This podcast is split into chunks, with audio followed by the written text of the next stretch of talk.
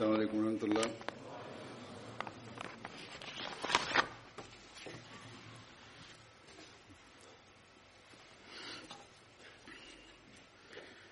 أشهد أن لا إله إلا الله وحده لا شريك له وأشهد أن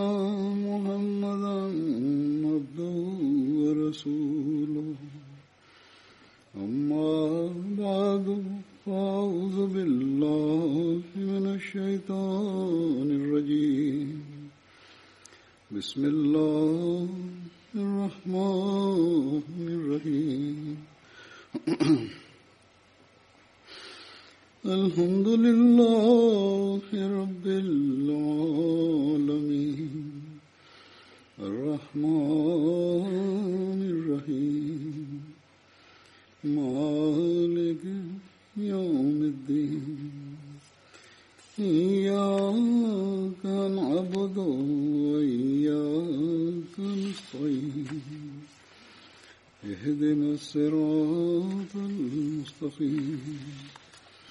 صراط الذين أنعمت عليهم غير المغضوب عليهم ولا الضالين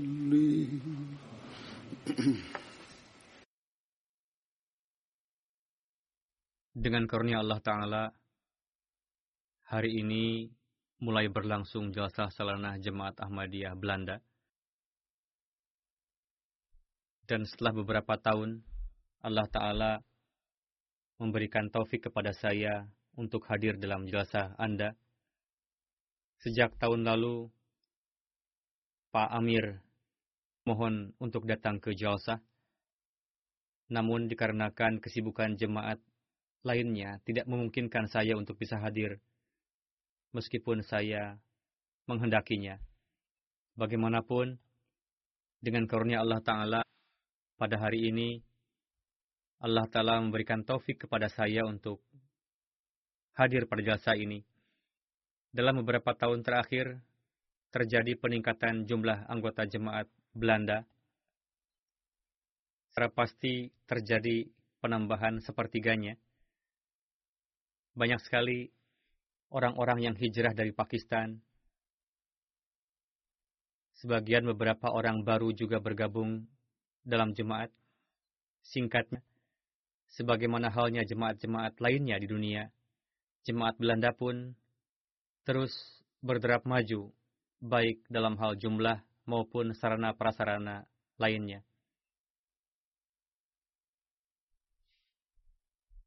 penyebaran literatur-literatur pun sekarang dilakukan dengan lebih baik di sini.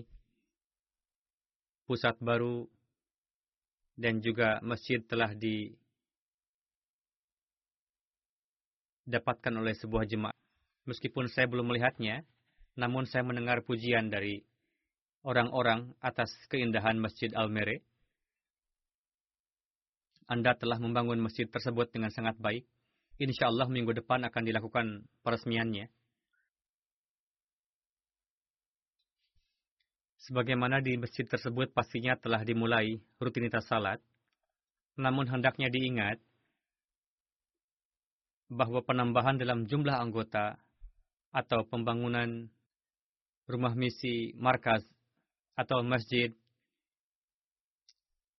baru akan memberikan faedah jika tujuan-tujuan dari semua itu dapat dipenuhi.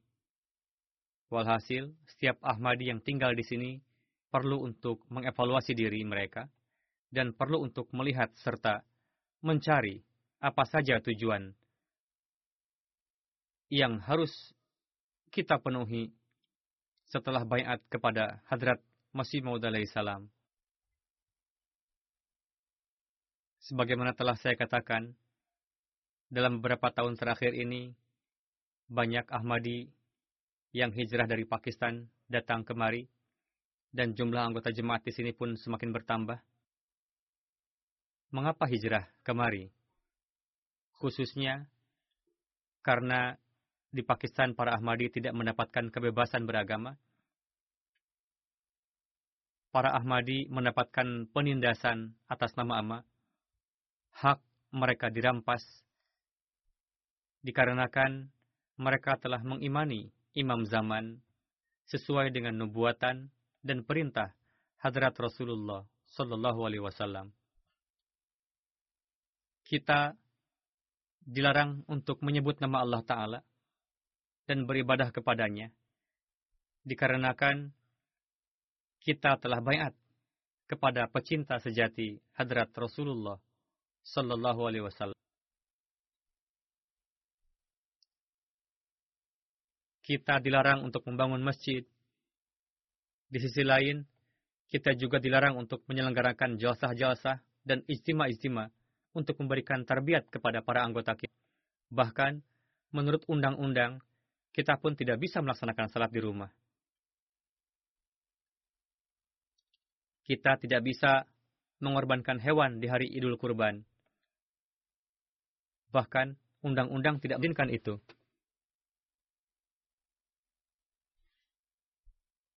Kita juga bisa dikasuskan di pengadilan dikarenakan menyakiti perasaan para ulama yang hanya sekedar nama beserta pengikut mereka. Walhasil, dalam kondisi seperti itu, banyak Ahmadi yang hijrah dari Pakistan menuju negara-negara lain, yang di sana mereka mendapatkan kebebasan beragama. Di antara Anda pun yang berhijrah di sini, di sini Anda mendapatkan kebebasan beragama, dan secara finansial dan penghidupan pun Anda mendapat kesempatan untuk memperbaiki kondisi Anda. Walhasil, para Ahmadi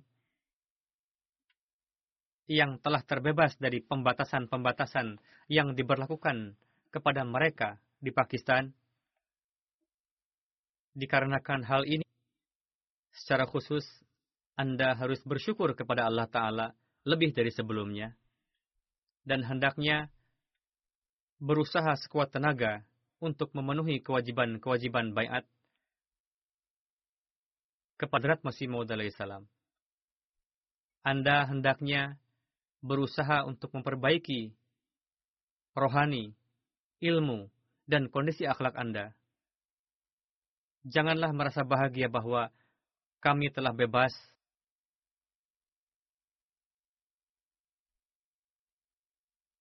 Dan tidak ada lagi pembatasan atas kami yang menghalangi kami mengamalkan ajaran agama kami. Jika kita tidak sesuai dengan perintah-perintah Allah Ta'ala, jika kita tidak berusaha untuk menciptakan perubahan-perubahan suci di dalam diri kita lebih dari sebelumnya, dan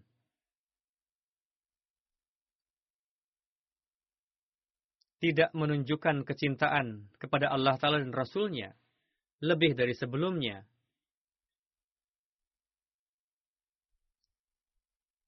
Lantas, apa gunanya kebebasan ini? Apa gunanya hadir dalam jasa-jasa seperti ini? Apa faedahnya membangun masjid-masjid ini? Manfaat yang sejati dari kebebasan ini bagi diri kita adalah ketika kita menunaikan kewajiban bayat kita. Hadrat Masih Maud salam juga mengumumkan penyelenggaraan jalsah jalas ini setelah mendapatkan izin dari Allah Ta'ala. Dan mengapa beliau mengumumkan jasa-jasa ini? Adalah supaya dengan jasa-jasa ini, di dalam diri kita timbul perubahan-perubahan suci. Supaya kita menjadi orang-orang yang mendahulukan agama di atas dunia, dan supaya mendapatkan pengetahuan dan pemahaman yang hakiki atas hal ini supaya kita menciptakan di dalam hati kita kecintaan kepada Allah Ta'ala dan Rasulullah. Supaya kita berusaha semaksimal mungkin untuk memperbaiki kondisi rohani, akhlaki, dan keilmuan kita. Hadrat Musim Maud salam di satu tempat bersabda mengenai tujuan dari jalsah dan memberikan nasihat kepada orang-orang yang bayat kepada beliau,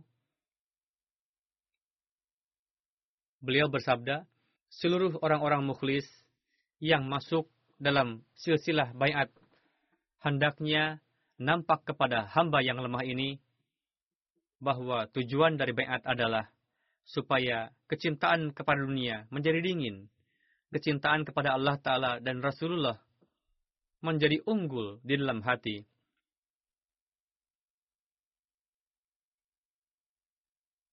Dan tercipta suatu kondisi in kita yang dengannya perjalanan menuju akhir tidak dianggap sebagai sesuatu yang tidak disukai. Walhasil, ini adalah suatu petunjuk yang sangat jelas dari beliau bahwa bayat kepadaku janganlah hanya sebatas pernyataan di bibir saja. Bahkan, masuklah ke dalam golongan orang-orang yang mukhlis, dan barulah bisa mengalami kemajuan dalam hal keikhlasan dan kesetiaan apabila kecintaan kepada Allah Ta'ala dan Rasulnya melebihi semua kecintaan-kecintaan yang lainnya. Oleh karena itu, di dalam syarat-syarat bayat pun, beliau menetapkan syarat ini bahwa orang yang bayat akan menjadikan firman Allah dan sabda Rasulullah sebagai pedoman amalan dalam setiap perkara. Setiap perkataan Allah Ta'ala dan Rasulnya baru bisa dijadikan petunjuk dalam setiap perkara apabila terdapat kecintaan yang hakiki. Walhasil, jasa ini dilaksanakan dengan tujuan supaya kita berulang-ulang diingatkan mengenai apa tujuan bayat kita. Menyingkirkan kecintaan kepada dunia dan menjadikan kecintaan kepada Allah Ta'ala dan Rasulnya dominan bukanlah perkara biasa. Untuk meraih hal ini perlu perjuangan yang luar biasa. Dan ketika kita telah berbaiat, maka perjuangan ini hendaknya dilakukan dan harus dilakukan. Kita harus mengorbankan bisnis-bisnis duniawi kita untuk ibadah-ibadah kita. Kita harus mengorbankan kesibukan-kesibukan duniawi kita untuk memenuhi hak-hak Allah Ta'ala hendaknya hindari segala sesuatu yang merintangi kedekatan dengan Allah Ta'ala. Jika pekerjaan-pekerjaan kita, bisnis-bisnis kita, menghalangi kita dari memenuhi hak-hak Allah Ta'ala, maka kita harus menghindarkan diri kita dari keburukan-keburukan tersebut untuk tetap berada di dalam jemaat Hadrat Masih Maud salam. Jauhlah semua penghalang-penghalang tersebut. Demikian juga jika ego-ego kita, kedudukan dan kemasyhuran duniawi kita yang semu, pemikiran-pemikiran dan amalan-amalan kita yang mementingkan diri sendiri, menghalangi kita dari memenuhi hak-hak hamba, maka ini juga adalah bentuk pembangkangan terhadap perintah Allah Ta'ala. Allah Ta'ala telah memerintahkan untuk memenuhi hak-hak hamba. Dan dengan tidak mentaati perintah ini, kita tidak sedang memenuhi tujuan kita berada di dalam jemaat Hadrat Masih Maud salam. Selanjutnya yang ditekankan oleh beliau alaihissalam adalah kecintaan kecintaan kepada Rasulullah Sallallahu Alaihi Wasallam beliau bersabda dengan jelas bahwa kecintaan kepada Rasulullah harus lebih besar dari kecintaan kepada segenap manusia. Harus meliputi semuanya. Karena dengan perantaraan beliaulah kita dapat sampai kepada Allah Ta'ala. Dengan mengamalkan perintah-perintah beliau dan dengan mengamalkan sunnah beliau, kita dapat sampai kepada Allah Ta'ala. Rasulullah lah yang menjadi wasilah untuk terkabulnya doa-doa dan mendapatkan akhir kehidupan yang baik. Hadrat Masih Maud salam bersabda, Perhatikanlah, Allah Ta'ala berfirman dalam Al-Quran, Kul in kuntum tuhibbunallah, fattabi'uni yuhbibkumullah. Yakni, katakanlah, wahai manusia, jika kalian mencintai Allah Ta'ala, maka ikutilah Dengan begitu, dia akan mencintai kalian. Allah Ta'ala akan mencintai kalian jika kalian mengikuti Rasulullah Sallallahu Alaihi Wasallam, mengamalkan sunnahnya, melaksanakan perintahnya. Beliau alaihi salam bersabda, untuk menjadi kekasih Allah Ta'ala, pengikutan terhadap Rasulullah Wasallam merupakan satu-satunya jalan, dan tidak ada jalan lain lagi yang dapat mempertemukan kalian dengan Allah Ta'ala. Yang menjadi tujuan manusia haruslah semata-mata untuk mencari wujud yang esa, tiada sekutu baginya. Janganlah janganlah mencari wujud lain. Janganlah menyekutukannya dengan wujud lainnya. Beliau bersabda, jauhilah syirik dan bid'ah. Janganlah mengikuti tradisi buruk dan ambisi.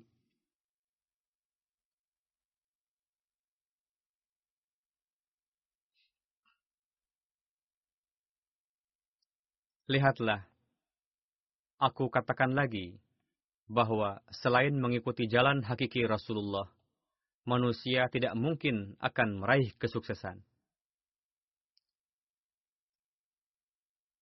Kita hanya memiliki satu Rasul dan satu Quran yang turun kepada Rasul tersebut, yang dengan mengikutinya, kita dapat meraih Allah Ta'ala untuk membuka pintu karunia ilahi dan keberkatan tidak ada kunci lain selain dari Al-Quran, menaati Rasulullah, salat, puasa, dan lain-lain yang merupakan sunnah Rasulullah.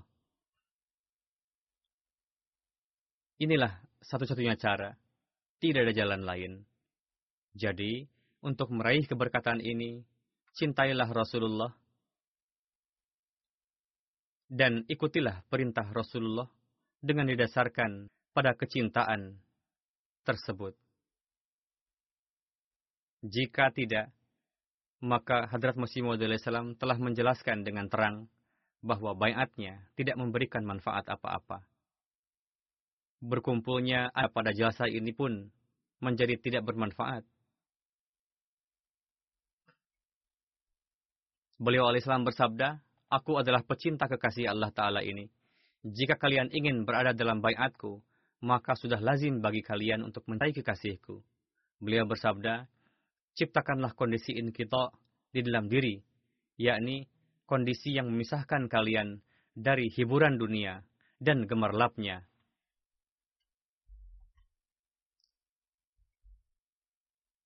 Amalan kalian harus selaras dengan perintah Allah Ta'ala dan Rasulnya. Sesungguhnya, mencari nafkah, pekerjaan duniawi, dan perdagangan tidaklah dilarang, karena Allah Ta'ala jugalah yang memerintahkan untuk melakukannya.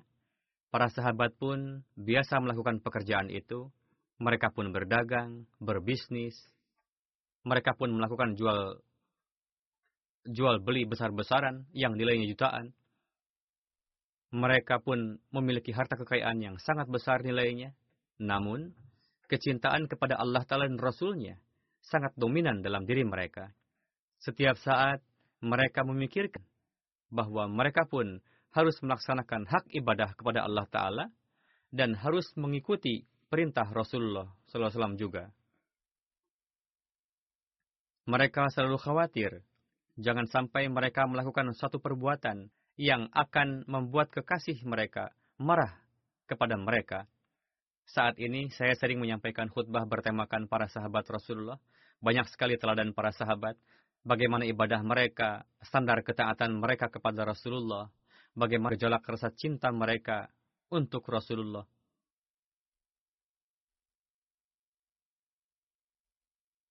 mereka selalu memikirkan jangan sampai mereka melakukan suatu perbuatan yang membuat kekasih mereka kepada mereka. Kita harus senantiasa memikirkan hal itu. Meskipun menghadapi segala kesibukan, kita jangan membiarkan kecintaan kita kepada Allah Ta'ala dan Rasulnya berkurang. Insya Allah.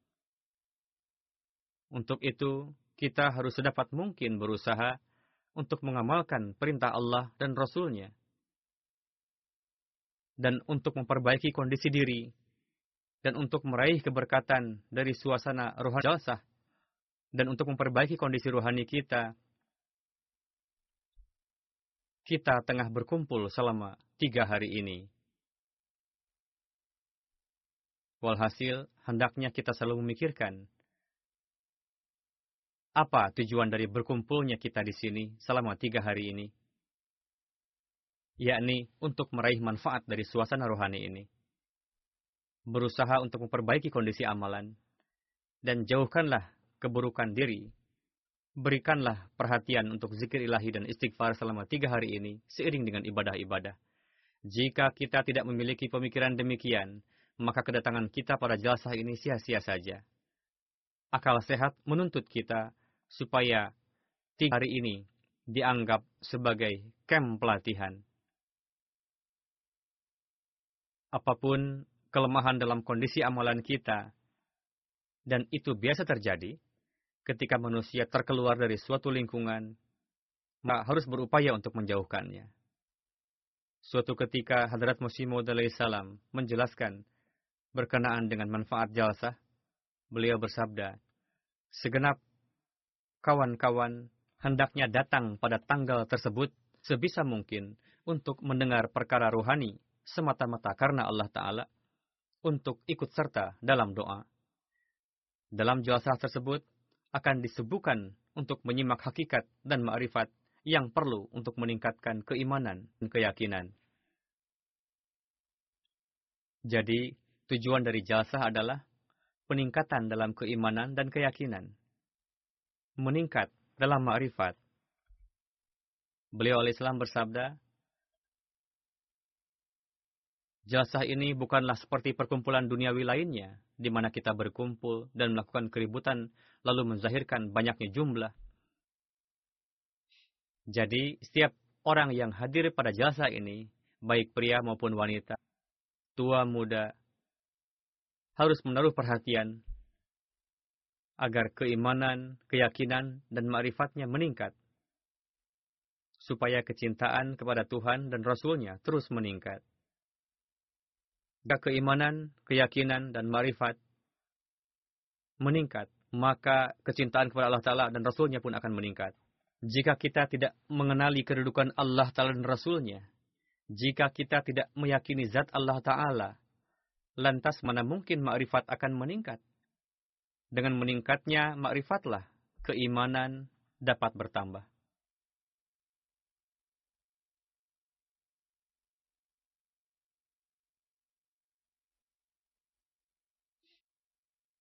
Jadi, janganlah kita beranggapan bahwa kita berkumpul di sini hanya semata-mata untuk meramaikan suasana, atau untuk melewati waktu dengan mengobrol ke sana kemari. Jika memiliki pemikiran seperti itu, mas seperti yang saya katakan, kedatangan kita pada jasa ini tidak ada manfaatnya.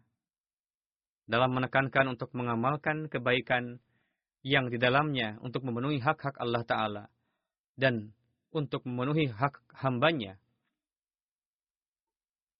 beliau bersabda,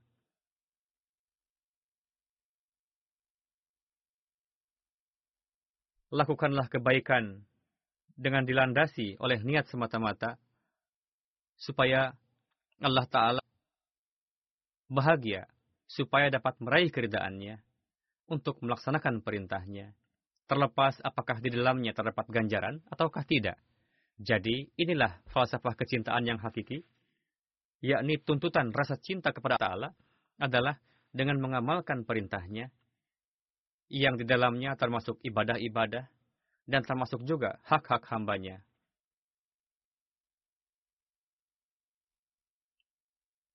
Janganlah mengamalkan perintah itu dilandasi oleh niat bahwa sebagai balasannya Allah Ta'ala akan memberikan ganjaran atau pahala. Allah Ta'ala tidak akan meluputkan orang yang telah berbuat amal saleh tanpa ganjaran. Dia pasti akan mengejarnya. Tuntutan keimanan hakiki adalah, sebagaimana beliau bersabda, janganlah berbuat amal saleh dengan didasari hanya supaya mendapatkan sesuatu, melainkan lakukanlah, karena itu merupakan perintah Tuhan. Beliau bersabda, keimanan akan sempurna ketika pikiran seperti itu hilang dari benak kita. Janganlah berpikir bahwa apakah akan mendapatkan ganjaran atau tidak. Jika pikiran seperti itu masih ada, maka keimanan akan dapat sempurna. Meskipun benar bahwa Allah Ta'ala tidak akan menyia-nyiakan suatu kebaikan, Inna Allah la yudhi'u ajral muhsinin, yakni Allah Ta'ala tidak pernah menyia-nyiakan ganjaran bagi orang yang telah berbuat ihsan.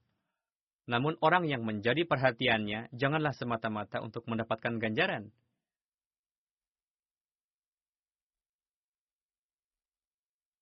Jadi, kebaikan kiki adalah melakukannya dengan tanpa diliputi keserakahan atau keinginan untuk mendapatkan hadiah. Berbuatlah kebaikan kepada hamba dengan memperhatikan prinsip tersebut. Berusahalah memenuhi hak satu sama lain. Lakukanlah dengan niat karena itu merupakan perintah Tuhan, yakni untuk berbuat baik satu sama lain. Perintah Rasulullah, sunnah beliau, sabda beliau, untuk berusaha memenuhi hak satu sama lain dan menampilkan akhlak yang luhur.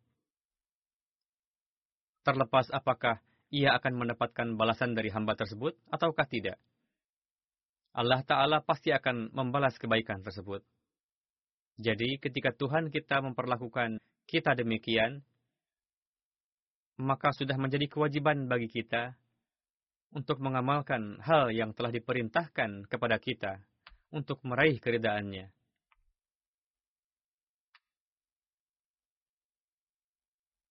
Hindarilah segenap keburukan yang telah diperintahkan kepada kita untuk menghindarinya setelah tiba di negeri-negeri ini, negeri-negeri yang maju ini, ketika masuk lingkungan yang sibuk dengan kelagauan, dengan mengatasnamakan kebebasan semu, perlu bagi kita untuk memperhatikan kondisi kita. Terkadang, kelapangan harta menjadi penghambat dalam melakukan kebaikan ketika kondisi menjadi baik, manusia menjadi lupa akan masa lalunya. Kita beranggapan bahwa jika upaya duniawi ini tidak kita lakukan, maka kita akan rugi. Namun Allah Ta'ala berfirman, yang memberikan rezeki itu adalah aku. Pada umumnya, hal ini nampak dalam kehidupan orang-orang duniawi. Mereka berpikir supaya bagaimana supaya tidak rugi dan tidak memenuhi hak Allah Ta'ala. Dan sayangnya, di antara kita masih ada yang melakukannya, yakni mereka mengorban salat demi untuk pekerjaannya. Ketika tiba waktu salat, namun sedang di tengah kesibukan, lalu meninggalkan salat, atau terkadang menyatukan dua salat setelahnya, atau bahkan terkadang tidak melakukannya. Lupa, namun pekerjaan duniawi tidak ditinggalkannya kita harus berusaha untuk terhindar dari perbuatan seperti itu. Atau melakukan salat dengan tergesa-gesa, layaknya ingin segera melepaskan kewajiban yang mengikat. Seperti yang telah saya katakan bahwa ini adalah perwujudan rasa cinta kepada Allah Ta'ala. Sebaliknya, merupakan penzahiran rasa cinta kepada dunia. Jika kita ingin memenuhi bayat kepada Hadrat Masih Maud salam, maka kita harus memenuhi hak beribadah kepada Allah Ta'ala. Hadrat Masih salam menekankan kita untuk memahami hakikat, yakni lakukanlah ibadah dengan diwarnai oleh kecintaan pribadi kepada Allah Ta'ala. Inilah yang inti. Beribadahlah kepadanya dan jangan anggap sebagai suatu keharusan, melainkan sebagai bentuk kecintaan pribadi kepadanya. dan lakukanlah dengan diwarnai hal tersebut. Jika ibadah yang kita lakukan diwarnai dengan kecintaan pribadi, maka segala maksud-maksud duniawi akan sirna. Lalu hakikat dari mendahulukan agama di atas dunia akan zahir.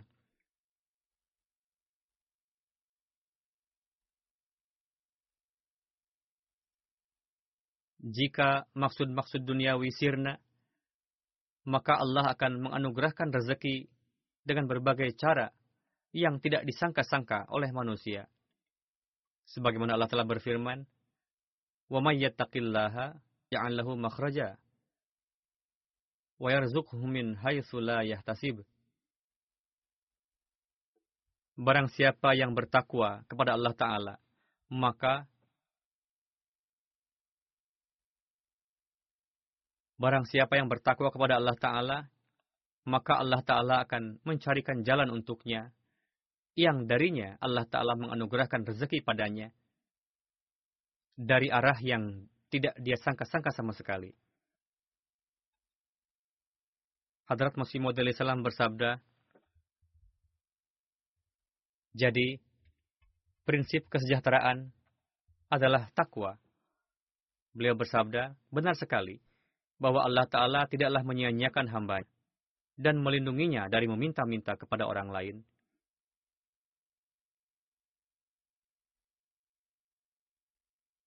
Keyakinan saya adalah jika seseorang saleh dan memiliki ketakwaan sejati, maka Allah Ta'ala akan mencurahkan rahmat dan keberkatan kepadanya sampai tujuh turunan, terkecuali jika dengan malangnya ia melakukan suatu amalan yang dapat meluputkannya dari karunia ilahi.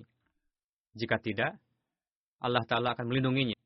Beliau bersabda, manusia hendaknya membakar semua sarana lainnya. Apa pun yang menjadi sarana, bakarlah semuanya. Sisakanlah hanya kecintaan ilahi. Yakin satu sarana, satu perantara yang dengannya kalian dapat meraih segala sesuatu, dan itu adalah kecintaan ilahi. Beliau bersabda, Sesungguhnya, barang siapa yang menjadi milik Tuhan, maka Tuhan akan menjadi miliknya. Jadilah sedemikian rupa, sehingga tanda-tanda rahmat dan keberkatan Allah Ta'ala tercurah atas kalian. Barang siapa yang menjadikan umur panjangnya semata-mata hanya untuk merasakan kesenangan, kelezatan, dan kenikmatan dunia, manfaat apa yang bisa diberikan oleh umur seperti itu? Hanya bertujuan untuk mendapatkan umur supaya dapat meraih kelezatan dan kesenangan duniawi. Dalam umurnya tidak terdapat bantuk Tuhan, yang menjadi tujuannya hanya semata-mata makan makanan lezat, tidur nyenyak. Beliau bersabda yang menjadi tujuannya hanya untuk makan makanan enak, tidur nyenyak, punya anak istri, rumah, atau kendaraan mewah, kebun, dan lain-lain. Orang seperti itu hanya merupakan pemuja perut. Orang seperti itu bukanlah hamba Allah, dan bukanlah orang yang beribadah kepadanya. Bahkan, tidak bisa disebut hamba, melainkan hanya menjadi pemuja tujuan-tujuan pribadinya ia hanya gandrung bagaimana supaya memiliki harta kekayaan, rumah, banyak kendaraan, yang mana zaman dulu dimisalkan dengan kuda, sedangkan zaman sekarang dengan kendaraan. Itu semua bukanlah tujuan. Silahkan saja memanfaatkan nikmat Allah berikan, namun jangan jadikan sebagai tujuan. Jika yang menjadi tujuan hanya itu, semata, berarti ia menjadi budak dari semua itu. Memujanya. Orang seperti itu tidak dapat disebut hamba Allah dan penyembah Allah. Melainkan pemuja maksud dan tujuan pribadinya.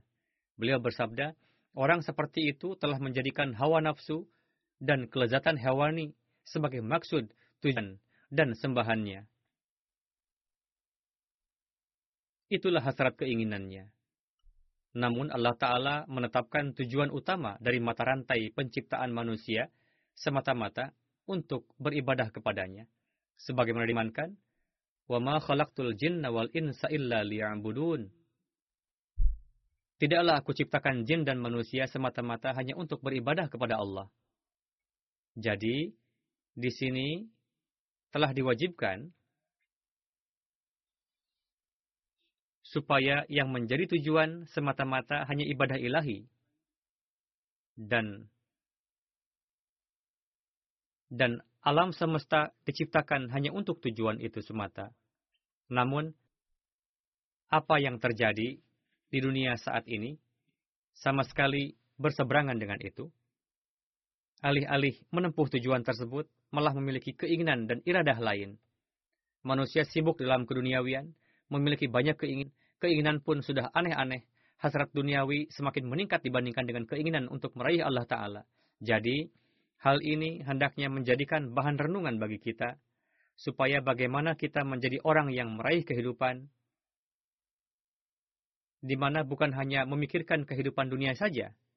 Pikiran kita, kerja keras kita, jangan hanya dibelanjakan untuk meraih dunia itu saja, melainkan kita harus mengerahkan segenap kapasitas untuk meraih tujuan hakiki dari kehidupan kita. Setelah sampai di negeri-negeri ini, kita harus berusaha untuk menarik karunia ilahi dan melaksanakan hak-hak ibadah kepadanya. Jangan sampai keinginan dan iradita tertuju ke arah yang lain. Sebagaimana Hadrat Masih Islam bersabda, kenalilah pencipta kita dan penuhilah hak-hak dari penciptaan kita. Dan penuhilah apa yang menjadi tujuan diutusnya Hadrat Masih Maud salam oleh Allah Ta'ala. Hadrat Masih Maud salam bersabda, Aku diutus untuk menguatkan kemanan dan membuktikan keberadaan wujud Allah Ta'ala kepada orang-orang. Karena kondisi iman setiap kaum telah begitu lemah dan alam akhirat dianggap sebagai dongeng belaka Beliau bersabda, Melalui amalannya, setiap manusia mengabarkan bahwa sebagaimana mereka yakin kepada dunia dan tingkatannya, sebagaimana mereka percaya kepada kebendaan, namun mereka sama sekali tidak meyakini keberadaan Allah Ta'ala dan alam akhirat. Di mulut mengatakan sesuatu, namun hati didominasi oleh kecintaan pada dunia. Memang lisan mereka menyama Allah, namun hati mereka dipenuhi oleh kecintaan pada dunia. Dan penzahiran dominasi ini nampak dari amalannya. Beliau alaihissalam bersabda, pada zaman itu, kecintaan kepada Tuhan di kalangan orang Yahudi telah dingin. Lalu datanglah Hadrat Isa alaihissalam untuk mengajak mereka kepada agama dan Allah Ta'ala. Begitu pula keadaan pada masaku ini. Aku pun diutus supaya masa keimanan itu datang lagi dan tercipta ketakwaan dalam kalbu. Walhasil, tugas kita saat ini adalah sembari memenuhi hak bayat kepada beliau, tingkatkanlah kecintaan kepada Allah Ta'ala di dalam diri, dan semaikanlah tauhid di dalam diri. Di satu sisi, cailah Allah Ta'ala, dan tinggalkanlah dunia dan segala gemerlapnya. Sementara di sisi lain, sembari menciptakan perubahan suci dalam diri, berusahalah juga untuk mendekatkan orang-orang di lingkungan kepada Allah Ta'ala. Saat ini, dunia mengingkari wujud Allah Ta'ala. Dan setiap tahunnya, jumlah orang-orang yang ingkar terhadap wujud Allah Ta'ala semakin meningkat. Mereka meninggalkan agama, apa itu Kristen ataupun agama lainnya, bahkan terkadang umat Muslim juga.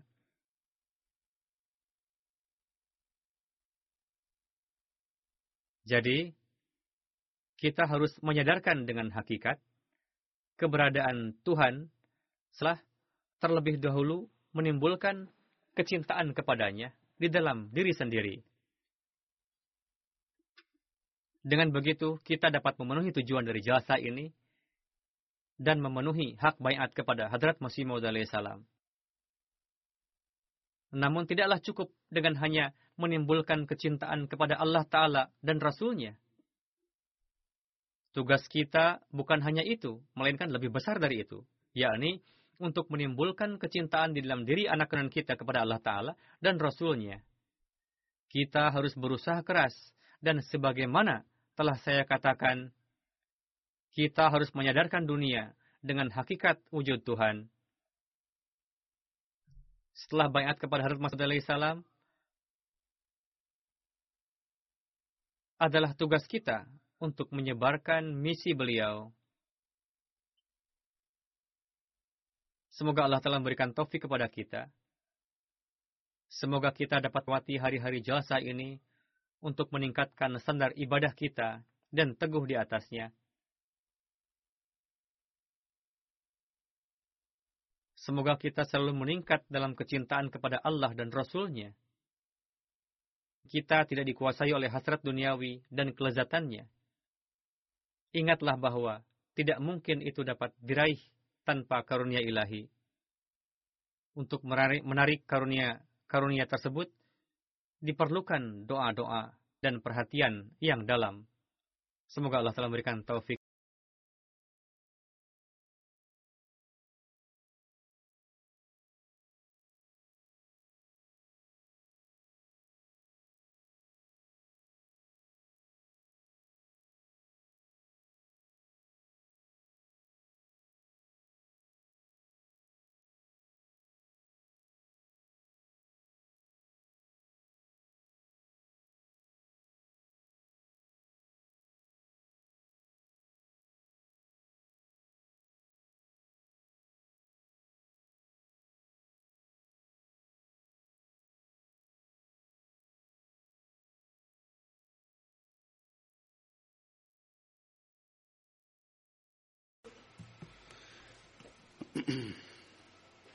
الحمد لله الحمد لله نحمده ونستعينه ونستغفره ونؤمن به ونتوكل عليه ونعوذ بالله من شرور أنفسنا ومن سيئات أعمالنا.